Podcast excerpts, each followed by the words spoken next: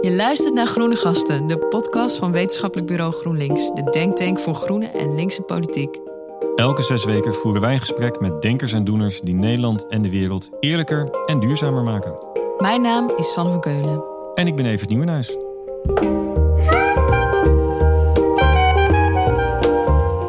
We hebben natuurlijk drie of vier jaar geleden hadden we nog het landelijke referendum. Nou, dat is toen twee keer geweest. Vervolgens werd er toch geconstateerd, ja, dat is niet helemaal wat we ervan hadden gehoopt. En dan wordt het gestopt. Dat is natuurlijk heel gek. Net alsof je de iPhone 1 hebt en denkt, nou, die is niet helemaal wat we dachten, we gaan er maar mee stoppen. Nee, dan maak je een 2 of een 3 en een 4 en uiteindelijk zit er nu op 13.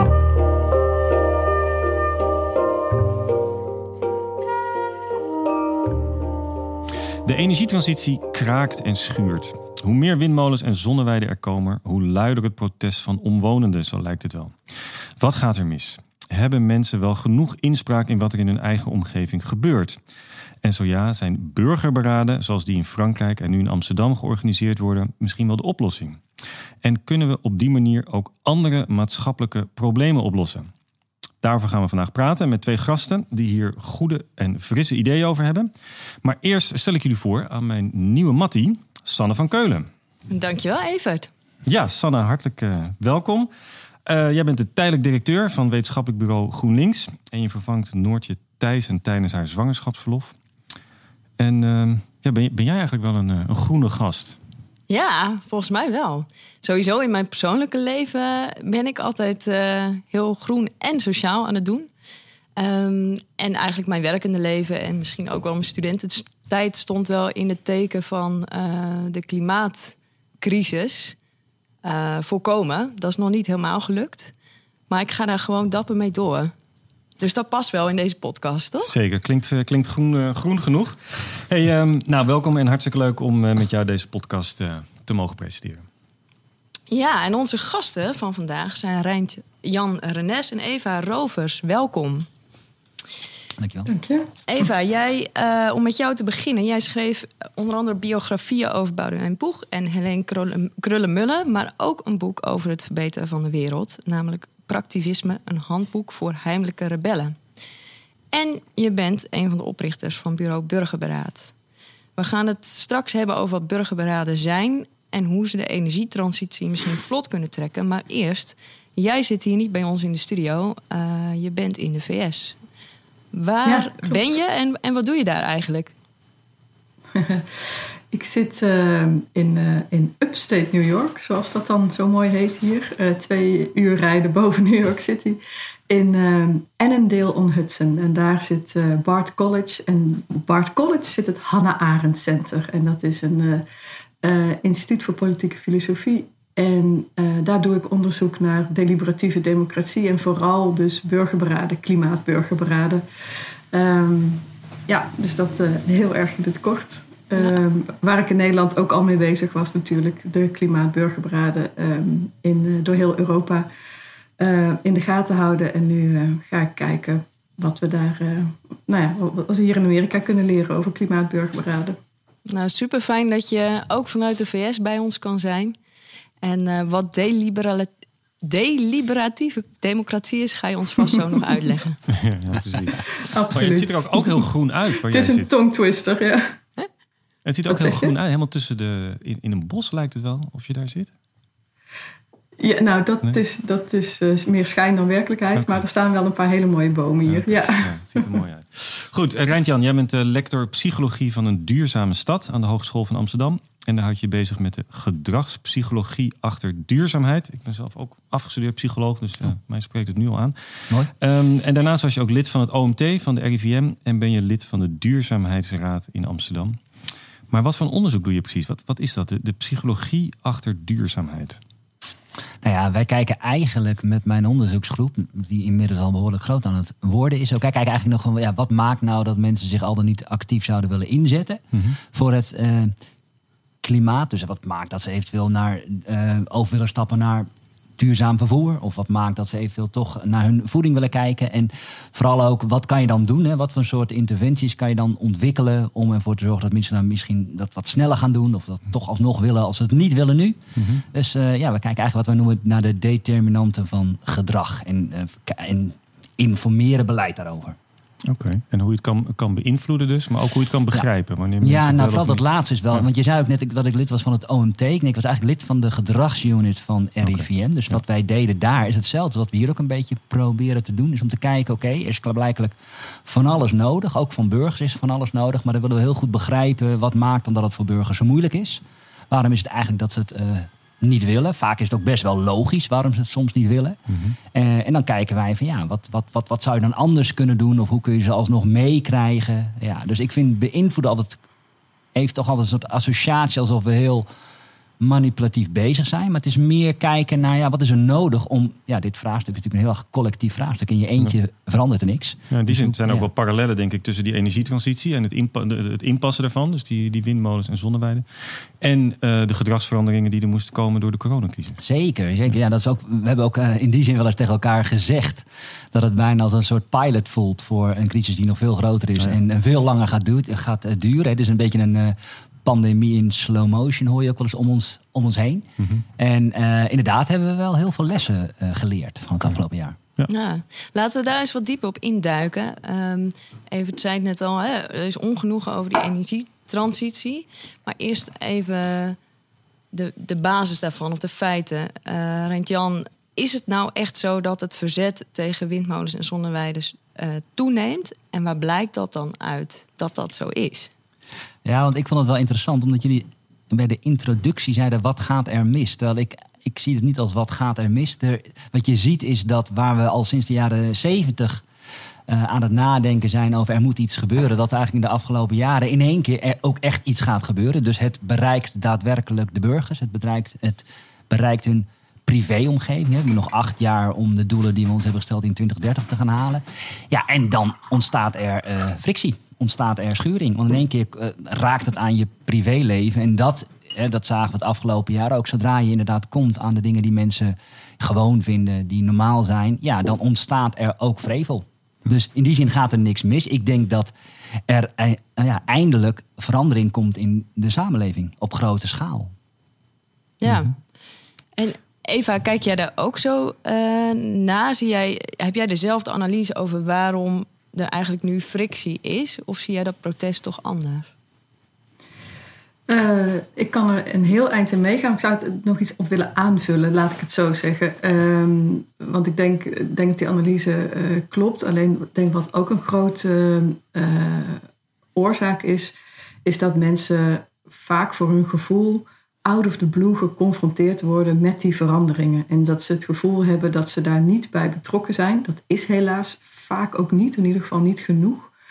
Ehm, en ze hebben daardoor het gevoel dat die eh zonneweiden, de windmolens, de aardgasvrije wijken, dat die hen opgelegd worden. En dat ze daar niks over te zeggen hebben. En dat dus inderdaad die eh, maatregelen die in hun persoonlijk leven ingrijpen, dat ze daar eh, machteloos tegenover staan. En dat roept natuurlijk vre- vrevel op.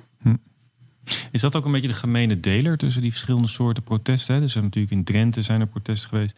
Een beroemd geval is natuurlijk eh, Eiburg. Ehm, is, dat, is dat een gemene deler zoals jij dat net beschrijft, Eva? Ja, vaak wel. Vaak hoor je, ik, ik denk dat heel vaak het protest niet gaat over eh, de maatregel aan zich. Dus Mhm. over de windmolens of over die aardgasvrije wijk. Maar dat het echt gaat over het, ehm, eh, het er niet bij betrokken zijn. Als mensen in een veel eerder stadium gevraagd was, niet zozeer moeten hier windmolens komen of moeten we van het aardgas af, maar we zitten met een heel groot probleem. We moeten onze samenleving ingrijpend gaan veranderen. Hoe kunnen we dat gaan doen? Hoe kunnen we dat als gemeente gaan doen? Hoe kunnen we dat als stad gaan doen? Hoe kunnen we dat als land gaan doen? En dat gesprek is nooit gevoerd. Mensen worden geconfronteerd met een gesprek wat op een heel andere plek ehm, eh, gevoerd is, waar ze niet bij zijn geweest. Ehm, en waar ze alleen maar de resultaten van te horen krijgen. Ja. Ik zeg het gechargeerd, ik doe nu alsof er helemaal geen participatie is geweest. Dat is natuurlijk niet waar, maar in grote lijnen komt, is dat wel vaak het gevoel wat mensen hebben. Ja. Weet jij, Rentjan, is daar, ook, is daar ook onderzoek naar gedaan? Dat als je dat gaat ontleden, dat protest, dat je dan inderdaad precies zoals Eva zegt, van het gaat eigenlijk niet zozeer om wat er nou fysiek komt te staan, maar dat ze er niet bij betrokken zijn over iets wat grote Ja. invloed heeft. Nee, nee, nou, we hebben zelf, een van mijn eigen AIO's heeft daar afgelopen jaar veel onderzoek naar gedaan. En er werd net al gerefereerd naar deliberatieve democratie. En eh, daar heeft ze ook heel erg naar gekeken. En van wat gebeurt er nou eigenlijk op het moment dat je mensen daadwerkelijk laat meepraten in dit soort vraagstukken. Want dat is deliberatieve nou, democratie. Dat kan, dat kan Eva nog veel beter uitleggen dan ik. Wat het precies, welke als- als definitie. Eva dus daar komen we zo even meteen doet, even op terug, ja, denk ik. ja. Maar wat, wat, ik, wat, wat een, van haar, eh, een van haar studies heel mooi liet zien... is dat wanneer mensen het gevoel hebben dat ze in dat proces echt volwaardig mee zijn genomen. En ze ook daadwerkelijk het gevoel hebben gehad dat ze zijn gehoord. Dat ze ook snappen eh, hoe het hele proces gelopen is. Dat dan niet ze ook per se de uitkomst willen die ze zelf bedacht hadden. Dan kunnen ze heel erg goed accepteren dat er een ander, andere uitkomst is. Als dat proces niet zorgvuldig gedaan is, en dat noemen we dan een hele lage procedu- procedurele rechtvaardigheid wordt dan ervaren.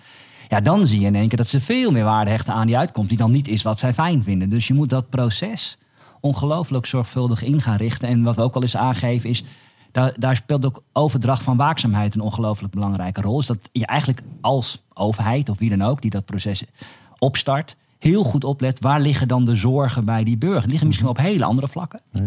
En dan moet je niet doen van ja, die zijn er niet. Nee, die zijn er ook. Die neem je ook mee. Die neem je ook, zeg je ook letterlijk, ik neem ze van jou over. En je hoeft er niet meer over te beginnen, want wij beginnen zelf over jouw zorgen. Dus het is vanaf dat moment, want zolang jij dat niet doet, dan ontstaat er continu onrust. Ja, maar heb je onze zorgen wel gehoord? en wat zou zo'n zorg dan kunnen zijn? Nou ja, in geval van die windturbines, dan gaat het bijvoorbeeld over laagfrequente geluiden die misschien niet doen met hun gezondheid of dat ze niet kunnen, kunnen slapen. Dan kun je elke keer terugkomen met cijfers van het RIVM die laten zien dat het allemaal nog binnen de marges is. Maar als dat zorgen zijn van bewoners, dan zul je daar iedere keer op terug moeten komen dat je ze serieus neemt. Dat je gezondheid van de bewoners minstens zo belangrijk vindt dan klimaat. En niet dat je elke keer zegt, nee, dat is een ander thema. Nee, wij gaan nu over klimaat hebben. Nee, we gaan het over allebei hebben. En over je veiligheid gaan we het hebben. En Hè, wij, wij, wij letten daarop. Daar hoef jij niet meer op te gaan letten. Oké. Hey, en wat, wat zien we nu eh, aan die kant van de gemeente? Hè? Wat, wat gebeurt daar eigenlijk als ze eh, nou, een plan hebben verkondigd en, en er komt weerstand op? Kun je daar, eh, Eva, heb jij daar zicht op hoe daarop gereageerd wordt vanuit die kant? Ehm, vaak met eh, heel veel zenden. Dus eh, heel veel informatie geven. Inderdaad, wat Rijntjan zegt. Nee, het valt allemaal wel mee. Kijk maar, dit rapport, dat geeft aan dat het allemaal wel meevalt. Ehm, en inderdaad, er wordt heel erg weinig ehm, echt geluisterd. Eh, laat staan dat er iets wordt gedaan met, de, met eh, eh, de zorgen of de suggesties. Het hoeven ook niet altijd zorgen te zijn. ehm, eh, van die inwoners. En- en- dus het blijft heel erg eenrichtingverkeer. En dat maakt het ook, dat maakt het vaak dat het olie op het vuur wordt. En waar komt dat nou vandaan dat de gemeente zo reageert? Nou, ik, ik wil er wel iets over zeggen. Want wat ik wel merk hoor, dat is zeker. Want, ja, ik, ik werk dan vooral heel veel samen met de gemeente Amsterdam. En je merkt wel dat daar echt oprecht ook wel de intentie is om dit goed te doen. Maar wat me ook altijd opvalt, is dat ze bijna nooit de capaciteit in huis hebben om dit soort dingen ook goed te doen. Daar heb je gewoon ook goede mensen voor nodig. Mensen die ook in staat zijn om dit soort gesprekken. Dat vraagt heel veel empathie, luistervermogen. Dat zijn niet altijd per se de ambtenaren die op dit moment dit soort processen trekken. Daar zitten vaak de techneuten bij, die nog eens een keer gaan uitleggen hoe zo'n windturbine dan in elkaar zit. Dus wat me altijd opvalt, is als ik dan binnen de gemeente dit soort gesprekken voer, dat er hele afdelingen vol accountants zijn, dat er allemaal techneuten zijn, dat er heel veel andere, maar dat die nieuwe type ambtenaren die eigenlijk dit soort gesprekken ook met de burger moeten kunnen voeren en er ook de tijd voor hebben, dat we daar helemaal geen afdelingen voor hebben. Dat zouden jouw studenten kunnen Ja, en dat, dat, Ja, sorry even. Nee, ze, maar ja, even- ik wou zeggen dat dat aspect tijd is essentieel. Want dat is vaak waar het vooral heel erg op misgaat. Van ja, we hebben geen tijd om dat gesprek aan te gaan. We hebben geen tijd om eh, op dit moment in de procedure dit aan te gaan pakken. Ja, die tijd moet je dus maken. Je moet eigenlijk al heel vroeg, voordat je ook maar eh, eigenlijk bij wijze van spreken een letter op papier hebt, moet je hier al over na gaan denken en moet je er ook tijd voor vrijmaken. En wat je nu ziet is dat pas daar tijd voor wordt gemaakt op het moment dat er inderdaad weerstand komt. Ja, dat is te laat. Dus het is eh, veel tijd, maar ook vroeg in de tijd dat je hier eh, mee aan de slag moet gaan. Nou ja, en om dat aan te vullen, het is ook heel kortzichtig. Hè? Want je kunt zeggen, ja, maar dan komen die windturbines niet op tijd. Maar we hebben deze burgers de komende twintig jaar nog op heel veel vlakken nodig. Dus als je nu die weerstand niet goed manage, niet serieus neemt, ga je ze zo meteen een ander vraagstuk rondom mobiliteit of rondom voeding of rondom isolatie. Je gaat ze op elk moment weer tegenkomen.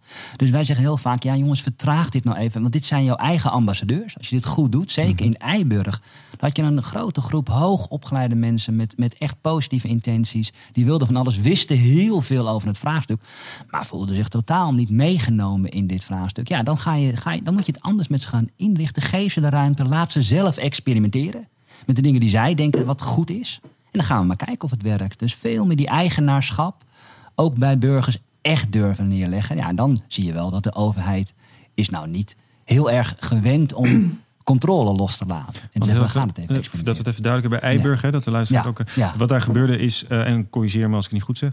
ehm, daar werden dus windmolens eh, geplaatst in Nee, Eiburg. die zijn Dat- nog niet geplaatst. Oh, die Er zijn- zouden- Er zijn zoekgebieden aangewezen. En Eiburg was een van de zoekgebieden waar mogelijk windturbines zouden komen. Precies. En, en Eiburg is een, is een nieuwe wijk in Amsterdam. En het ligt aan een heel mooi open water met mooi uitzicht over het prachtige Durgedam en allerlei andere plaatsjes. En, of in, en dus het mooie Markenmeer daar.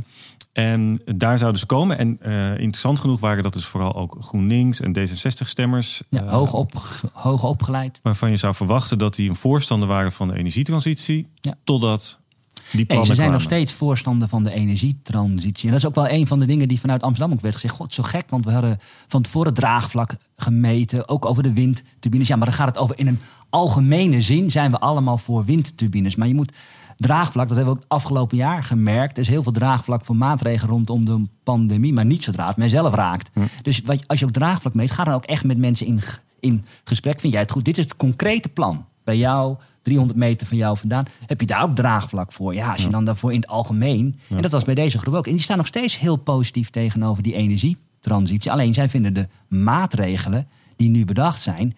Niet omdat ze die niet in hun eigen backyard willen. Want dat is ook nog maar de vraag. Maar ze vinden echt oprecht. Ze hebben ernaar gekeken en zeggen, nou, dit zijn volgens ons geen slimme ideeën. Ja, ja. Maar dit- er zit wel een spanningsveld natuurlijk tussen die klimaatcrisis en het tempo waarmee dat gaat. En ook wat er nodig is om, eh, eh, ja, om dat toch het hoofd te bieden. Want nou ja, daar ben ik wel heel nieuwsgierig naar. Eva, misschien kan jij daar wat over zeggen.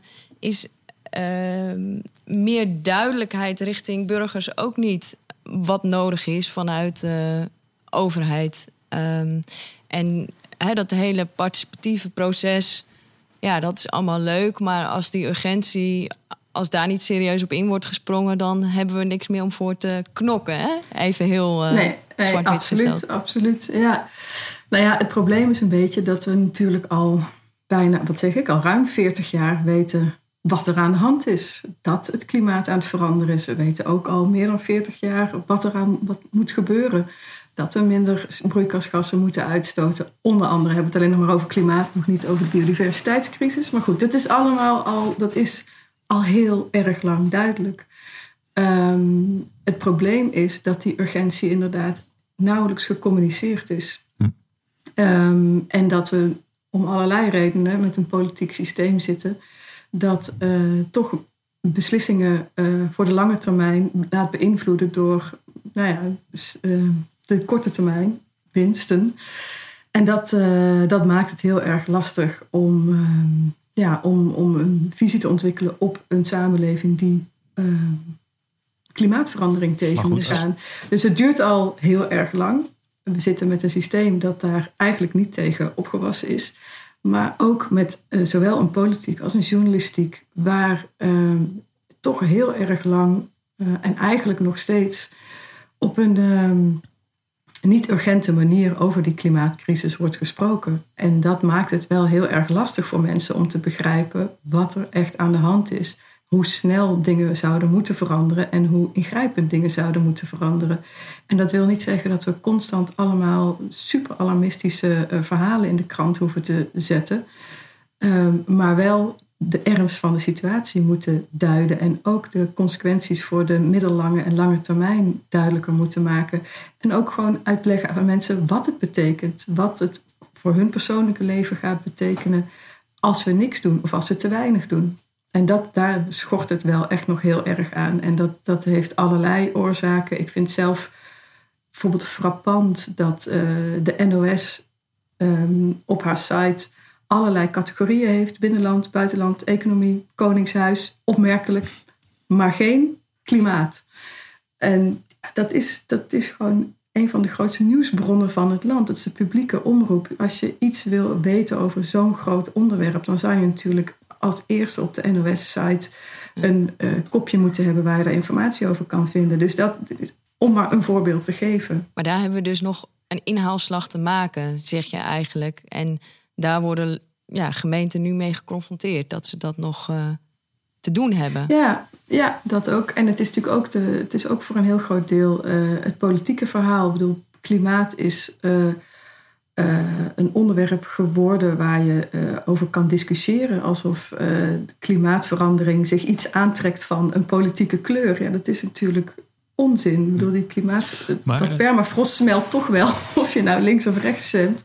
En dat is iets wat, wat heel erg moeilijk is. Het is zo lang een onderwerp geweest, wat zogenaamd een links-progressief onderwerp is, dat het ja, voor heel veel mensen iets is, een onderwerp is geworden waar je wel of niet tegen kan zijn. Ja, dat, maar wat helaas zeggen, is dat niet zo. Stel dat ik uh, wethouder ben en stel, het zou zomaar GroenLinks kunnen zijn. En dan voel ik die urgentie die ik helemaal deel met jou. Maar ik hoor ook Rijntjan die zegt van ja, maar je moet ook nog twintig jaar lang met die burgers nog heel veel grote problemen samen oplossen. Dus neem er de tijd voor.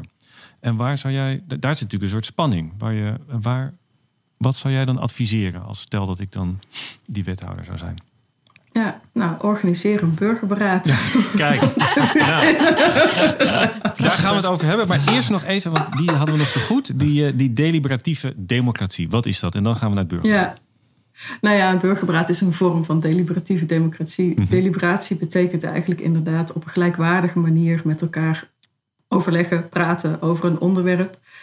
Dat betekent dat je ehm, eh, vaak een geloten groep mensen bij elkaar zet ehm, en met elkaar laat praten over een, over een onderwerp waarbij iedereen uh, gelijkwaardig is. Mhm. Ehm, dus waarbij iedereen ook evenveel ruimte krijgt om te spreken. Ehm, vaak wordt er gewerkt met, met uh, gespreksbegeleiders die er echt voor zorgen dat mensen die niet gewend zijn om in het openbaar te spreken uh, of over bepaalde onderwerpen te spreken, dat die evenveel ruimte krijgen als de haantjes de voorste. Um, maar bijvoorbeeld ook bij die deliberatieve processen gaat het ook niet over discussie of gelijk krijgen of mensen overtuigen. Het gaat heel erg over het uitwisselen van perspectieven, het samen zoeken naar, ehm, eh, naar common ground en van daaruit een oplossing proberen te bedenken. En dat is iets heel anders dan ehm, iemand per se van jouw standpunt willen overtuigen. Dus echt gezamenlijk op zoeken naar die oplossing. Ja, over de, over de, ja, zeg maar je, je, je uh, culturele, ideologische, religieuze verschillen heen. Dus mensen worden heel erg geholpen om daar voorbij te kijken, om echt te kijken waar vinden we elkaar en hoe kunnen we van daaruit een oplossing bedenken. Ja, want het is, nou daar, komen we zo nog op, maar dat het ook, hè, het is in, in, in, in Ierland is het gebruikt voor abortus en nu in Nederland dan veel voor uh, energietransitie of, of, vraagstukken die daar omheen liggen. En Rijn Jan, jij bent dus betrokken bij dat duurzaamheidsberaad in Amsterdam. En in Amsterdam gaan ze ook een een, uh, nou ja, een burgervorm of burgerberaad. Zit er trouwens nog verschil tussen die twee? Daar is even ook bij. Uh, Oké, okay, dus zijn allebei bij. Nou goed, maar dan stel ik toch de vraag aan jou. Eerst nog even: is burgerberaad hetzelfde als burgervorm? Je komt beide termen tegen. Ja, ja, ik, ja ik zie is, allemaal uh, het is echt hetzelfde. Ja. ja. Echt hetzelfde. Prima. Ja. Uh, is daar dan, uh, hoe, hoe, ga je dat dan organiseren? En wat is dan, of wat hebben jullie daarover geadviseerd in Amsterdam? Nou, ja, we Kun je ons meenemen er... in al die stappen? Dus ik, ik hoor loting, ik hoor Ja, we zitten er nu nog middenin. Okay. het is een, wat ze ook noemen een mini-burgerberaad. Omdat het echt wel wordt gezien als, nou ja, weet je, hele concrete vraag richting volgend, volgend jaar. Eigenlijk van help ons nu om nog wat extra maatregelen te bedenken die nodig zijn om onze doelen te halen. Want de huidige maatregelen zijn niet voldoende. In die zin heel mooi. Hè? Je kan ook echt concreet uh, samen met de burgers nog een extra setje aan maatregelen gaan vaststellen. Nou ja, wat een van de dingen die, en dat maakt het ook meteen wel spannend voor Amsterdam, is dat je bijvoorbeeld ook regelt, ja, wat gaat er dan gebeuren met dat advies van zo'n burgerberaad? Anders zet je straks allemaal mensen, in dit geval in principe een groep of honderd, bij elkaar. Die gaan in dit geval ook in een soort snelkook pan bijna in een week tijd uh, heel veel expertise krijgen, met elkaar het gesprek aan. Nou, dat moet je allemaal organiseren. Je moet ook voor zorgen dat die loting dat die op een goede manier gaat. Dat je ervoor zorgt dat ook daadwerkelijk, ja, dat je hoopt, een soort dwarsdoorsnede van de stad ook hieraan mee gaat doen. Je moet de expertise er rondomheen gaan organiseren. Want er zijn natuurlijk mensen die hebben allemaal vragen. Of die komen met uh, bepaalde opties en die willen eens iets hebben doorgerekend. Gaat het ook helpen? Dus al dat soort dingen moet je er rondomheen gaan organiseren. Uh, ja, nou, ik zit even naar Eva ook ondertussen te kijken. Zijn er, zijn er dingen die voor jou heel specifiek zijn die, je, die je hierin uh, waar je aan moet denken? Ja, nou, wat, wat heel belangrijk is natuurlijk ook dat mensen de niet alleen informatie krijgen, maar dat ze zelf ook sprekers en informatie kunnen aanvragen. Hm. Dus ze hoeven het niet alleen te doen met de informatie die ze aangereikt krijgen binnen zo'n burgerberaad. Ehm, maar ze mogen ook zeggen van, goh, ik wil die wetenschapper wel eens horen of ik wil die stakeholder wel eens horen. Um, en ja, dus dat is heel belangrijk. Het is niet zo dat ze uh, uh, helemaal voorgeprogrammeerd worden om tot een bepaalde conclusie te komen. Dat is nadrukkelijk niet de bedoeling, uiteraard. Nee. Dus ook weer dat eigenaarschap is daar heel belangrijk. Ja. Ja. ja. ja En het gaat er ook echt om om tot, uh, um, tot oplossingen te komen waar, um, ja, waar de waar de gemeente niet aan heeft gedacht. Hè. Ik bedoel, er, wordt vaak uh, gezegd van kunnen mensen dit wel? Zijn ze wel in staat? Kan een, een random groep mensen uh, zonder specifieke uh, opleiding of kennis op dit gebied, kunnen die dit soort complexe onderwerpen überhaupt aanpakken? ja, blijkt dan uit de praktijk. En juist omdat je een hele mooie dwarsdoorsnede van de samenleving hebt, en dat je gebruik kan maken van die, de, wijsheid van de groep, dus van die collectieve wijsheid. En ehm, daar komen dan vaak creatieve, slimme, haalbare oplossingen uit, die je vaak niet bedenkt als je alleen maar inderdaad met een groep techneuten naar een onderwerp kijkt. Dan, dan kom je vaak, als je met een hele ehm, homogene groep naar een, naar een probleem kijkt, dan kom je vaak met oplossingen waar gewoon blinde vlekken in zitten. En dat is precies wat je voorkomt als je dus met zo'n mooie diverse groep mensen naar een uh, probleem gaat kijken. Dus het levert ook gewoon andere soorten oplossingen op. En dat kan zeker in de energietransitie wel eens uh, cruciaal gaan blijken. Nou, dat, dat klinkt wel echt heel fantastisch. Bijna te goed om waar te zijn. Waar ik wel benieuwd naar ben, want uh, wat ik jullie hoor zeggen is... in Amsterdam wordt dan gezegd... Hè, het gaat om extra maatregelen bovenop wat al bedacht is... Um, Terwijl ik ook heb gehoord van, uh, ja, zo'n vraagstuk moet je eigenlijk zo open mogelijk leggen. Dus hoe, hoe zit dit dan? Is dit dan het juiste In dit vraagstuk? geval, ja, nou ja, in dit geval is het ook bijna uh, eerder een. Uh, ja, zeg je, kijk, normaal gesproken zou je dit al een aantal jaren geleden natuurlijk gedaan hebben. Maar nu komt deze kans, is er gewoon is er iemand binnen de gemeente die zegt, jongens, dit moeten we gewoon doen rondom een soort window of opportunity. De, er moeten extra maatregelen komen. We zijn nog niet het hele pakket. Dus laten we maar eens een keer met zo'n mini-burgerberaad eens uitproberen hoe dat ook werkt. En we laten het ook heel duidelijk zijn. Het klinkt inderdaad fantastisch als je het op papier en als je Eva erover hoort. Dan denk je, ja, waarom doen we dit niet rondom alle controversiële thema's? En uh, zeker de thema's die ook soort collectieve opgaven zijn. Maar uh, uiteindelijk zul je, natuurlijk altijd zien, je kan het plan allemaal nog zo mooi bedenken, dat de elementen is. Oh, die, dat hadden we weer niet aan gedacht. Dus je moet het ook vaker doen. Wat ik, wat ik altijd heel jammer vind. We hebben natuurlijk drie of vier jaar geleden hadden we nog het landelijk referendum. Nou, dat is toen twee keer geweest. Vervolgens werd er toch geconstateerd... ja, dat is niet helemaal wat we ervan hadden gehoopt. En dan wordt het gestopt. Dat is natuurlijk heel gek. Net alsof je de iPhone 1 hebt en denkt... nou, die is niet helemaal wat we dachten, we gaan er maar mee stoppen. Nee, dan maak je een 2 of een 3 en een 4... en uiteindelijk zitten we nu op 13. Ja. Je maakt hem steeds een beetje beter. Dat is heel gek in, uh, in maatschappelijke innovaties dan zijn we niet gewend om het steeds een beetje beter te doen. Om te gaan experimenteren. Net zoals als je een technologie klaarmaakt, heb je ook levels. En uiteindelijk is iets helemaal klaar om geïmplementeerd te worden. Dat geldt, dat geldt voor zo'n mini-burgerberaad hetzelfde. Of een burgerberaad ook. Ga het maar eens doen. Dan ga je zien waar het eigenlijk toch niet helemaal werkt. En dan ga je het weer beter maken. En dan uiteindelijk heb je een burgerberaad die heel goed functioneert. Komt dat ook niet gewoon omdat uh, politie en ambtenaren, de overheid, heel hard afgerekend wordt als zoiets niet loopt zoals ze Zeker, maar ik denk dat een onderneming, als zijn product ook niet werkt, ook heel hard afgerekend wordt. Alleen vinden we het eigenlijk heel spannend hm. om er dan toch bij te blijven en erachter te blijven staan. Dat vind ik van Amsterdam, ja. Ik weet dat er ook altijd wel een beetje met argusogen naar Amsterdam wordt gek. Maar ik vind het ook ongelooflijk veel lef hebben om dit te gaan doen. Want ze zijn al de afgelopen maanden er behoorlijk op aangesproken van alle kanten. Want dan komt er weer een stuk in de krant. Maar we gaan wel gewoon door. Hm. En we gaan waarschijnlijk, uh, of de stad Amsterdam, ik zeg al we. Maar de stad Amsterdam gaat waarschijnlijk ongelooflijk veel fouten maken. Maar dat is ook wat het dan is. waarom heet dit eigenlijk een mini dat... Of waarom is het een mini? Ja, omdat je in principe, uh, nou, wat net al door, ook al door jullie werd aangegeven. Hey, dan inkadering van de vraag. De vraag is ook hoe breed het mandaat gaat zijn. Het is maar we gaan maar een week Ah, ja. echt met elkaar zitten. Dus er zitten heel veel elementen in dat je denkt, nou, het is niet de meest ideale setting om zo'n complex vraagstuk nou in al zijn facetten goed te kunnen bekijken. Ja. Oké. Wat wil jij zeggen, Eva? Ehm, ik weet niet meer waar ik op wilde reageren, maar daar inderdaad op aanvullend mini-burgerberaad ook inderdaad vanwege die, die korte looptijd. Ah, Want normaal vraag je eh, mensen om, nou ja, zeg vijf, zes weekenden eh, samen te komen en dan vaak ook eens per maand. Dus dat, duurt dan al snel vijf, zes maanden bij elkaar. Eh, dus in die zin, de, de vraag is kleiner, de looptijd is korter, maar het is inderdaad ehm, juist als, als leerproces heel erg ehm, heel waardevol, omdat je op die manier inderdaad goed kan kijken van wat, eh, wat werkt, wat werkt niet.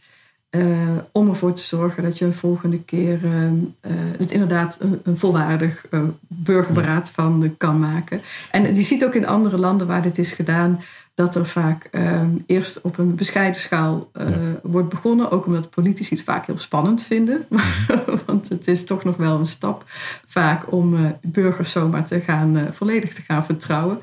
Eh, maar juist doordat ze dat vertrouwen geven aan, aan inwoners, merken ze eigenlijk al direct dat ze dat vertrouwen ook terugkrijgen. En dat er ongelooflijk goede oplossingen uitkomen. En dat, ehm, ja, dat het vertrouwen tussen politiek en samenleving vergroot. En dan zie je dat er dus inderdaad al snel ehm, eh, dat, die, dat die burgerberaden vaak ook juist worden herhaald, grotere onderwerpen krijgen. En dat, ehm, ja, dat, dat is wel heel hoopvol. Hm. Maar er is een, een hele grote, eh, heel groot burgerberaad geweest in Frankrijk. Heeft eh, Macron eh, georganiseerd. Ging over de, hm, ja, de klimaatmaatregelen als reactie op de gele hesjes onder andere. Ehm, daar wordt ook wel met gemengde gevoelens naar teruggekeken. Er zijn ook wel, en, en dat zat hem dan met name in de manier waarop Macron dat overnam. Ja. Misschien kun je daar iets over vertellen. En, en wat jullie goed en slecht aan dat forum, eh, burgerberaad, vonden. En wat misschien goed om erbij te vertellen is, hij pakt dat dus echt groot aan. Hè. Het, de- de- het was een grote vraag. Hoe moet Frankrijk, eh, Frankrijk eh, de CO2-reductie van, nou, ik weet niet hoeveel het was, maar het zal 50% in 2030 of zo, zo'n soort cijfer zal het geweest zijn. 40% in 2030. 40% Ja. in nou, nog mellow eigenlijk, hè, als we nu naar Ja. 55 gaan. Maar goed. Maar, ehm, eh, maar in ieder geval, de- het is een grote vraag, een grote maatschappelijke, landelijke vraag. En die werd dan met 100 burgers, ook in een half jaar tijd, geloof ik. Ja, Eva weet hier veel, veel meer van. Oké, dan kijk ik naar Eva. Wat, wat, even wat vond jij er goed aan en slecht aan? En deel je die kritiek van en en de manier waarop Macron daar uiteindelijk mee omging met de, met, met de aanbevelingen die eruit kwamen? Ja, ik, het- inderdaad, het ge- gemengde gevoelens, dat is inderdaad een goede omschrijving. Ik vond het ongelooflijk lef hebben eh, om inderdaad zo'n landelijk burgerberaad te organiseren. Het was ook een, een, een antwoord op de, op de protesten van de gele hesjes. Eh, Macron had een, eh, destijds over blinde vlekken gesproken, klimaatmaatregelen genomen, onder andere de, de belasting op benzine verhoogd, wat voor heel veel mensen ja, het, het dagelijks leven gewoon heel erg duur maakte. Vandaar de gele hesjes die massaal de straat op gingen. Eh, en toen heeft Macron inderdaad gezegd: Oké, wat kan ik dan doen? Wat, wat, hoe kunnen we dit gaan oplossen met z'n allen? En toen is inderdaad de suggestie gekomen: organiseer een convention citoyenne. Dus een, een echt een landelijk burgerberaad. Eh, en dat heeft hij gedaan. Hij heeft eh, gezegd: Ik ga eh, 150 eh, Franse loten. En die, ehm, die vraag ik om met mij mee te denken over, of niet met mij, maar om na te denken over die oplossingen voor ehm, eh, de reductie van uitstoot van broeikasgassen. Eh, en daar hebben ze ehm, zes tot zeven maanden toen de tijd voor gekregen. Zeven weekends zijn die mensen samengekomen, hebben met elkaar gepraat, hebben allerlei experts gehoord, stakeholders gehoord, zijn met elkaar in gesprek gegaan en hebben samen ehm, oplossingen bedacht. Een pakket van 149 maatregelen. En nou, tot zover allemaal geweldig. Eh, als je die maatregelen zou doorvoeren, dan zou je trouwens ook veel eerder dan 2030 tot die 40% reductie komen. Dus het geeft ook al wel weer aan dat, eh, dat er dus hele zinnige oplossingen uitkomen. Wa- Waren ook allemaal doorgerekend. Het probleem eh, was dat Macron van tevoren had gezegd: ik ga de aanbevelingen ongefilterd overnemen. Mhm. En dat betekende dat, eh, dat, het- dat het nou, ofwel direct omzetten in wetgeving, ofwel als het om een grondwetswijziging ging, een referendum uitvoeren, of eh, ze gewoon allemaal aan het eh, parlement eh, geven ter eh, bespreking en omzetten in wetgeving. En daar is zijn grote fout gemaakt. Hij heeft zijn parlement er niet bij betrokken. Dus hij, hij heeft als president die opdracht voor een burgerberaad gegeven. zonder aan zijn parlement te vragen: vinden jullie dit ook een goed idee? Staan jullie hierachter? Kunnen jullie hier ook je schouders onder zetten? Dus wat gebeurt er achteraf? Die 149 maatregelen die moeten voor een groot deel door het parlement heen. En het parlement zegt: ja, sorry, wij hebben hier geen opdracht voor gegeven. Ehm, dus uiteindelijk is er maar iets van 10% van die aanbevelingen zijn nu, uh, zijn nu omgezet in wetgeving. En dat is een, dat is een heel groot probleem. Dus je, hij heeft iets beloofd wat hij niet kan waarmaken. En dat is natuurlijk altijd het grote verwijt aan politici. Ze beloven iets wat ze niet kunnen waarmaken. En dat werd in dit geval dus bewezen. Dus het is heel belangrijk dat degene die de opdracht geeft ook uh, de belofte kan nakomen. Dat, wat er inderdaad met die uh, aanbevelingen wordt gedaan. En in dit geval had, had Macron zijn parlement hier volledig bij moeten betrekken en moeten zeggen van hoe, ja, hoe kunnen wij als Franse regering ervoor zorgen dat we, die, um, dat, we die, dat burgerberaad recht kunnen doen en inderdaad die aanbevelingen zo, um, zo goed mogelijk kunnen overnemen. En dus dat, hoe, ja. hoe, hoe zou dan dat samenspel moeten gaan tussen zo'n burgerberaad en de democratische instituties die we al hebben? Want dat lijkt me best wel uh, nou, lastig om dat goed in te richten. Want die hebben ook gewoon zeggenschap en een mandaat en een rol als volksvertegenwoordiger. Hoe doe je dat dan? Ja. Nou ja, het is een aanvulling. Het is, het is geen, nogmaals, uh, of, het is geen vervanging van de, van de parlementaire democratie. Het is echt een aanvulling daarop. Omdat we zien dat de parlementaire democratie op bepaalde uh, uh, heikele, complexe onderwerpen gewoon vastloopt. Ik bedoel, momenteel loopt onze democratie zelfs al vast op een formatie. um, maar um, ja, zeker een onderwerp als, als klimaatverandering. Dat is toch iets wat de afgelopen 40 jaar ook gewoon is gebleken. Daar komt die parlementaire democratie niet uit. En dus heb je een aanvulling nodig, heb je een systeem nodig waarbij het voor politici makkelijker wordt om inzicht te krijgen in, uh, in oplossingen, in wat er nodig is in de samenleving. En dat, uh, dat, dat zorgt, dat, daar zorgt een burgerberaad voor. Maar, maar, je moet wel inderdaad van tevoren heel duidelijk zijn over wat dat mandaat is. Dus je moet heel duidelijk van tevoren aangeven wat er met die aanbevelingen wordt gedaan. Hm. Als het puur adviserend is, ja, dan moet je dat van tevoren wel zeggen. Dan ja. moet je van tevoren zeggen, ja, er zit een kans in dat we het weer... Maar het belangrijkste, het is wat je ziet, de meest succesvolle burgerberaden... en dan haal ik inderdaad het voorbeeld van, van Ierland aan... Uh, het katholieke Ierland, waar inderdaad al decennia lang uh, uh, abortuswetgeving natuurlijk een, een meer dan heikel onderwerp is, waar de politiek niet uitkwam, moeten we dat versoepelen of niet, uh, wat ook een ongelooflijke polarisatie in de samenleving opleverde. Daar komt een burgerberaad dan wel uit en daar, hm. Daar uh, zie je ook van dat zo'n onderwerp, dat zo'n oplossing gedragen wordt, zowel door de politiek als door de samenleving. Maar wat is dan, dan de factor waardoor dat burgerforum er wel uitkwam in Ierland en de politiek niet? Omdat het niet gepolitiseerd werd. Omdat uh, een hele brede dwarsdoorsnede van die samenleving met elkaar in gesprek ging en de mm-hmm. kans kreeg om andere perspectieven te horen, om, uh, om van mening te mogen veranderen, om niet te hakken in het zand te hoeven zetten. En dat scheelt ongelooflijk veel. En zich goed te laten informeren vanuit alle mogelijke perspectieven voor, tegen en alles wat er tussenin zit. En dan zie je dat er, een, uh, dat er dus hele zinnige oplossingen te bedenken zijn. Ja, en misschien ook dat ze er niet op afgerekend zouden worden bij volgende verkiezingen. Zeg maar. Nee, dat ook. Maar ze geven die, uh, dat aan. Uh, in het geval van Ierland is er vervolgens een referendum over georganiseerd. Omdat het ging ja. over een grondwetswijziging. En dan zie je dat de rest van de bevolking um, die aanbeveling van het burgerberaad overneemt. Er is ongelooflijk veel steun. Mensen um, vertrouwen zo'n burgerberaad. Als je het goed organiseert, vertrouwen mensen zo'n burgerberaad. Omdat ze zien, er zit iemand zoals ik in dat burgerberaad. En die neemt dezelfde beslissingen zoals ik die ongeveer zou nemen. En dat helpt heel erg. Dus er zit een veel minder grote kloof tussen, um, tussen burgerberaad en de, en de samenleving als geheel. En dat geeft ook de uh, politici veel beter inzicht in waar er steun voor is. Dus dan wordt het veel makkelijker om dit soort uh, hete hangijzers, om daar beslissingen over te nemen. En het is, wat ik net al zei, het is dus wel belangrijk dat je van tevoren aangeeft wat, wat je ermee gaat doen. Je, en daar kan je van alles voor bedenken. Je kan zeggen, ehm, bijvoorbeeld aanbevelingen waar meer dan 80% steun van is binnen het burgerberaad, die nemen we over.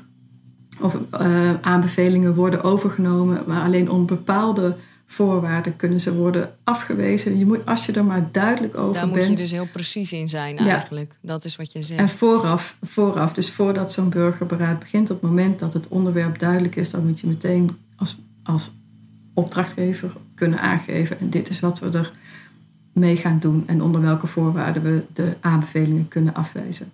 Ja. En als we nou kijken, want in Nederland uh, het klimaatakkoord is gesloten, er zijn allerlei partijen aangesloten aan tafels. Uh, vervolgens uh, we de regionale energiestrategieën. Daar wordt volgens mij ook heel veel meegesproken door allerlei belanghebbenden.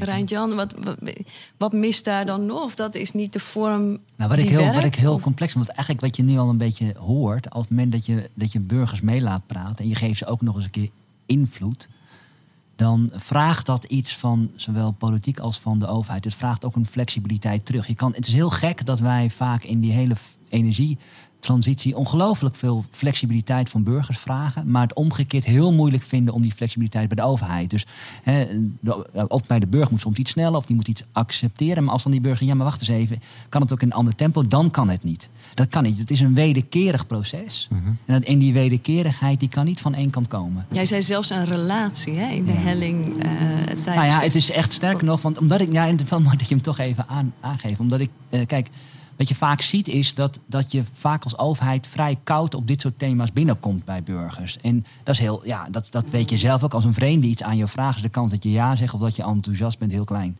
Dus als overheid moet je ook moeite nemen voordat je met een vraag komt, er al gewoon te zijn. En gewoon te laten zien dat je een betrouwbare partner bent. Je kan echt letterlijk, je kan letterlijk bij jezelf afvragen: ik ga met dit vraagstuk naar burgers toe, ik ga naar een wijk toe. Hoe warm is mijn relatie met die mensen in die wijk? Op een schaal van 0 ijskoud tot op uh, 100 smoor verliefd. Ga eens voor jezelf eens. En als je dan voelt, nou, we zitten wel erg op uh, richting ijs, ijskoud. Hoe groot is dan de kans dat ik met deze groep tot iets kom? Nou, heel klein. Dat is dan misschien een constatering waar je wat mee moet. Zeggen, nou, ga ik toch er naartoe? Dan weet ik dat de opgave groot wordt. Zeg, nee, we hebben al een hele warme relatie. Of dit thema, daar zijn we al in grote lijnen over eens. Is dat, is dat proces ook weer anders. Maar dat is iets wat ik heel moeilijk vind, is dat op deze manier reflecteren op vraagstukken zie je vrijwel nooit terug. Het gaat heel over wat kan, of het functioneel, of het financieel uit kan, of het technisch mogelijk is.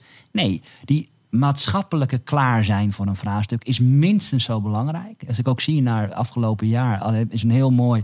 Laura van Geest heeft een heel mooi eh, soort handboek geven allemaal maatregelen die eventueel voor een nieuwe coalitie, als die eindelijk komt, allemaal in kunnen gaan voeren. Dan zie je dat het voor 90% misschien bestaat uit allemaal technische maatregelen, waarbij per maatregel heel optimistisch wordt gezegd, zoveel CO, CO2 gaan we ermee. Ja, want Laura voorkomen. van Geest had een soort, een soort uh, menukaart gemaakt Ja. voor te nemen Ja, dat noemen ze maatregelen. dan, eh, dat noemen ze dan fiches. En er kwamen ze in één keer erachter dat bij heel veel van die maatregelen elke keer werd gezegd... ja, en dan moeten we nog wel dat burgers het willen of kunnen of doen. Dus het gedrag bleek elke keer ook een factor... maar dat was niet meegerekend in de CO2-uitstoot. Ik denk, ja, we kunnen wel bedenken... zoveel windturbines gaan zoveel dingen voor elkaar krijgen... maar als dan burgers het allemaal niet willen, gaat het weer langer duren... dus dan gaan we het niet voor elkaar krijgen. En toen werd ook in één keer gezegd... oh, we moeten eigenlijk misschien rondom gedrag ook een fiche maken. Ja, weet je, dan, dan, dan zie je dat dat dus niet als een volwaardig aspect... van die Ja. transitie wordt gezien. Eigenlijk, eigenlijk wordt de mens niet gezien. Nou ja, ik zeg altijd, je hebt een aantal dimensies. En die menselijke dimensie, Ja. dat is een cruciale factor. Zeker nu we daadwerkelijk met de samenleving begonnen zijn... om die transitie ook concreet vorm te geven. Dat is eigenlijk wel opvallend. Hè? Als je bijvoorbeeld, ehm, nou, misschien is het niet helemaal het goede voorbeeld, maar de autofabrikanten hebben ook tijd nodig gehad om te moeten denken: ja, je kan wel een auto op een bepaalde manier inrichten, maar je moet je heel erg richten op de bestuurder. Nee, ja, Als maar ik vind niet heel goed kan gaan- voorbeeld. Nee, Oké. er, is geen, er is geen... Maar dat is dus niet helemaal gelukt Nee, maar er bij is geen bedrijf of het nou Netflix is, Apple... die zegt, nou, we gaan zonder de eindgebruiker een product maken. Integendeel, die is continu bezig met die eindgebruiker. Dus die Ja. continu aan het nadenken... wat maakt nou dat die eindgebruiker er iets mee kan. Ja, ik vind het wel eens gek. Als ik naar een overheidssite ga denken... hoe kom ik in vredesnaam bij datgene wat ik wil hebben... als ik naar booking.com heb ik al bijna geboekt voordat ik het wist. Ja, dus er zit een groot verschil in de wijze waarop zij die eindgebruiker Wat ik bedienen. me nog afvraag, dit, dit, dit kan ik me heel goed voorstellen. Dus dat die relatie tussen, tussen overheid en burger daarmee nou, veel beter wordt en dat, dat je daarmee elkaar veel serieuzer neemt. Ja. Wat ik nog eh, me verbaas, zal ik zo zeggen, maar wat ik wel helemaal. Nou, ik, het verbaast me, maar ik ben heel benieuwd hoe jullie, daar, hoe jullie dat zien.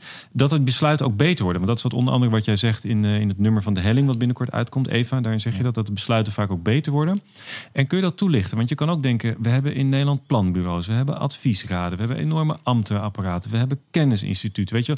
En, en die hele machine die kan dan dus niet helemaal op als het gaat om kwalitatief, de, de kwaliteit van die besluiten tegen die 150 burgers die je dan zes weekenden bij elkaar stopt. Ik sla hem even plat, maar zo. Uh, hoe, hoe komt dat? Is, uh, die is, die is behoorlijk plat geslagen. Ja, nee, Want uh, die, die, die planbureaus en, die, en al die kennisinstituten die spelen een heel belangrijke rol hè, bij zo'n burgerberaad. Dus mensen moeten natuurlijk ergens ook informatie vandaan halen uh, willen oplossingen ook kunnen doorrekenen, zodat ze geen uh, onmogelijke dingen gaan, uh, gaan bedenken. Dus die spelen daar absoluut een rol in. Ik wil, dat wil ik wel even gezegd hebben. Ja. Maar de manier hoe ze met die informatie omgaan is vaak hm. anders. En um, wat je ziet is dat vaak beslissingen worden genomen door mensen die um, hoog opgeleid zijn, boven een bepaalde leeftijd zijn, onder een andere leeftijd. Ehm, eh, die gewoon in een bepaalde sociaal, uh, sociale, sociaal-demografische uh, groep passen, die niet representatief is voor de rest van de samenleving, waardoor er blinde vlekken ontstaan. En dat is wat ik eerder ook al aangaf. Door, daarom is die loting ook zo belangrijk. Het is een gewogen loting bij een burgerberaad, die ervoor zorgt dat je een eerlijke afspiegeling van de samenleving krijgt.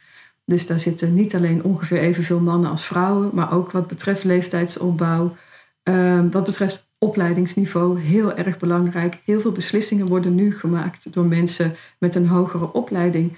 En die, hoe goed de bedoelingen ook zijn, hebben vaak gewoon toch eh, niet genoeg oog voor wat er in uh, de samenleving speelt bij mensen die niet die universitaire opleiding hebben. Door zo'n eerlijke dwarsdoorsnede van de samenleving te vragen, vraag je mensen niet per se naar hun kennis, maar wel naar hun levenservaring. Ja. En dat zorgt ervoor dat er oplossingen worden bedacht die ook echt passen bij een samenleving, waar mensen iets mee kunnen. Vaak kunnen mensen vanuit hun levenservaring uh, al problemen voorzien die je, als je ze puur en alleen uh, intellectueel zou benaderen, niet ziet.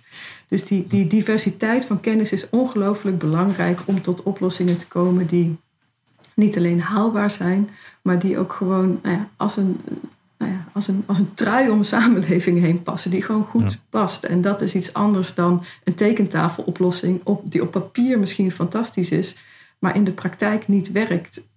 Zie de toeslagen. Eigenlijk, wordt het menselijke, het menselijke aspect van uh, uh, het bestuurlijke systeem ook niet gezien. Want dat zijn ook maar mensen die dat moeten doen. En die hebben dus ook maar blinde vlekken, net als iedereen blinde vlekken heeft. Dus, dus, dus ja, maar wat, je, wat, gezien, ik ook, maar wat ik ook zo ook zo mooi vind. Op het moment dat je dus burgers laat meepraten in zo'n vraagstuk, haal je ook de complexiteit van die werkelijkheid meteen mee naar binnen. En wat je nu vaak ziet, is dat ze dat juist niet doen. Het heeft ook een functie om dat niet te doen. Want dan denk je al meteen, nou, dit gaat sowieso niet lukken. Dus dan ga je alvast. En dan geef je het misschien van tevoren al op. Hè. Dus, dus een soort onrealistisch optimisme in je beleid heeft ook een functie. Dus laat het mhm. ook heel duidelijk zijn. Dat is ook niet erg. Maar op het moment dat je eenmaal zover bent dat je zegt, nou, hebben we de contouren en de belangrijkste elementen wel redelijk al nou, duidelijk. Ja, dan is het goed om dan op dat moment wel een soort uh, stresstest te doen. Dus te kijken van watgene wat we nu eigenlijk hebben gemaakt. Gaat dat ook precies, wat hier, gaat het wel passen? Is het, is het een trui die ook inderdaad daadwerkelijk goed zit? Nou ja, dat doe je door daadwerkelijk de burgers met hun eigen unieke expertise over hun dagelijkse realiteit die mee te nemen. Want in die dagelijkse realiteit moet die maatregel gaan passen. Ja. Hey, en, en Eva, jij zei ehm, in de helling zeg je... burgerberaden zijn een cadeautje voor politici. En kun je dat toelichten? Want je kan ook denken dat die politici denken van ja hallo, eh, hier was ik toch voor, hier was ik toch voor gekozen. Ja. Maar het is een, een, een, cadeautje dat ze dus het stuur voor een, deel, voor een deel of misschien wel voor een groot deel uit handen geven. Waarom is het een cadeautje? Nou, ze geven het, stuur niet uit handen, maar ze, ze krijgen wel iemand naast zich zitten die de routekaart kan lezen. Ja, dat is, kan soms wel handig zijn. En het, hm. uh, wat je nu vaak ziet is dat, uh, dat gekozen politici uh, heel erg bezig zijn met hoe word ik de volgende keer weer gekozen. En dat is niet altijd de beste drive om uh, beslissingen, zeker niet voor de lange termijn, te maken. En omdat mensen, politici, bang zijn om afgestraft te worden bij de volgende uh, verkiezingen, maken ze ook bepaalde beslissingen waarvan ze hopen dat die goed vallen bij de achterban. Het voordeel van zo'n burgerberaad is dat je eh, die beslissing wel overwogen kan maken. Dat je het niet af hoeft te gaan op opiniepeilingen, die maar een momentopname zijn. Dat je niet af hoeft te gaan op social media, die al helemaal niet representatief zijn. Maar dat je de geïnformeerde mening van mensen krijgt. Waardoor je dus inderdaad geholpen wordt om goed beleid te ontwikkelen, om goede politieke keuzes te maken, zonder dat je bang hoeft te zijn dat je uh, daarvoor wordt afgestraft. Ja. Ik ben nog wel heel even geïntrigeerd door jouw relatiemetafoor tussen overheid en burger. Ik was heel benieuwd, als je nou een ijverige ambtenaar bent en je wil echt dat klimaatprobleem aanpakken en je komt tot de conclusie, oh, die relatie is eigenlijk ijs, ijskoud. Wat zijn dan de stapjes om richting smoor verliefd te komen, Rijntjan? Nou ja, wat wij weten uit ervaring is dat het, dat het helpt om uh, ook daadwerkelijk aandacht te hebben voor de ander. Dus dat betekent dat je dus niet in een wijk binnenkomt met jouw eigen behoeften. Maar dat je eerst eens gaat uitzoeken waar die behoeftes liggen van de burger in dit geval. Dat is net als in een partnerrelatie. Als je altijd datgene doet wat je zelf leuk vindt. En je vraagt nooit wat die ander precies leuk vindt. Of je eet altijd datgene wat jij lekker vindt. Maar ga ook eens een keer koken wat die ander lekker vindt. En dat is dus hierin ook. Het is, ja, het is weer diezelfde. Het is eigenlijk niet zo complex. Nou, en, maar, ja, maar en ook leer elkaar echt kennen. Weet je, het is heel moeilijk om een warme relatie te hebben als je elkaar niet eens kent. Dus ook in die zin, uh, hoeveel mensen kennen iemand van de gemeente of iemand die, die namens de gemeente praat. En dat je daar ook echt persoonlijk iets mee voelt. En dus, dus, dus onderschat niet dat persoonlijke en het idee van ik ken die ander ook, wat dat doet als je vervolgens met een hele complexe vraag komt. Hm. Oké, ik wilde eigenlijk heel uh, deliberatief eindigen. Dat, uh, want ehm, weinig dingen zijn toch zeker in het leven. Maar wel dat GroenLinks ooit eens in de regering komt. Het is vandaag Prinsjesdag als we dit opnemen. Ja. En daarom zouden we eigenlijk ook aan jullie kunnen vragen. Nou, stel nou dat je uh, minister wordt van Klimaat- en Energietransitie. Of nou ja, zo'n soort portefeuille. Um, welke drie dingen zou jij dan in de eerste 100 dagen doen? En dan begin ik eventjes bij Eva. nou, sowieso natuurlijk uh, uh, burgerberaden instellen. En dan niet mhm. als eenmalige ehm, eh, processen, maar echt iets wat je op landelijk niveau minstens twee keer per jaar doet. er misschien zelfs een soort derde kamer instellen, van waaruit dat burgerberaad uh, een functie krijgt. Um, dus burgerberaden echt permanent opnemen in, uh, in de democratische besluitvorming. Ja. Um, uh, een tweede is, ik denk dat ik uh, al mijn collega's in de politiek op een cursus klimaatwetenschap uh, zou sturen. Zodat ze, zich, dat ze echt doordrongen zijn van de ernst van de situatie. Zodat ze ook echt op die manier ook kunnen gaan communiceren. Um, en ik zou heel graag een gesprek aangaan uh, met de journalistiek over welke rol ze voor zichzelf weggelegd zien. Want daar is ook echt nog een, een slag te slaan. En uiteraard natuurlijk afschaffing van de, uh, van de fossiele subsidies. Want het is natuurlijk echt van de gekken dat er nog steeds meer subsidie naar de fossiele industrie gaat dan naar de klimaatdoelen. Ah, jij hebt een mooi lijstje al. Die is denk ik wat langer dan dat je nu uh, met ons deelt.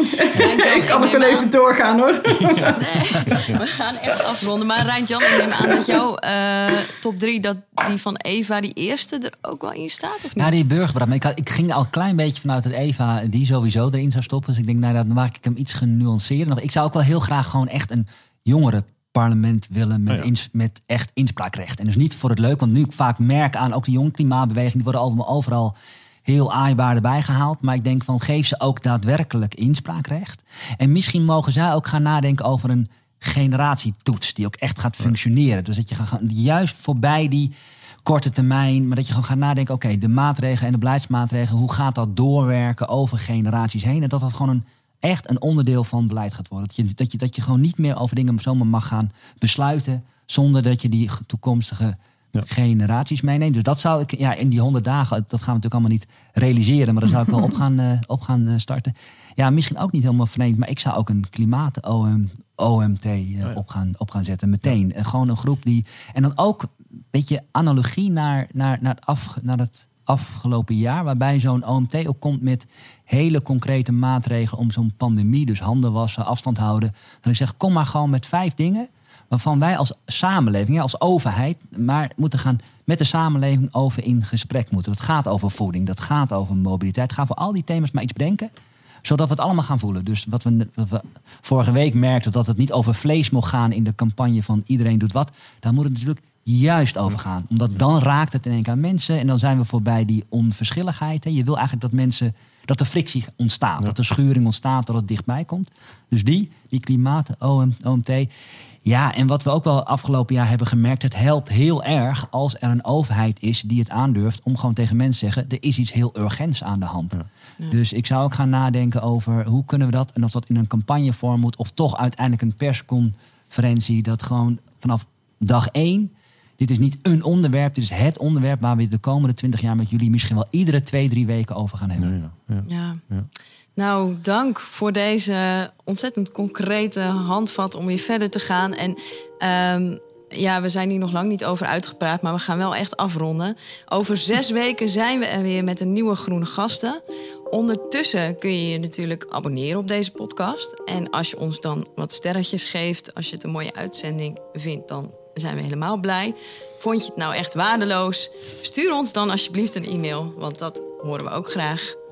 Ja, en wil je nog meer weten over dit onderwerp? Ga dan naar onze website eh, www.wbgl.nl. En daar vind je onder het tabblad De Helling een special over dit onderwerp, inclusief interviews met Eva en Rijntjan. En je kunt ook daar meteen een abonnement nemen op het onvolprezen tijdschrift De Helling. Tot de volgende podcast. Tot horens. Dank jullie wel. Graag gedaan. Dankjewel.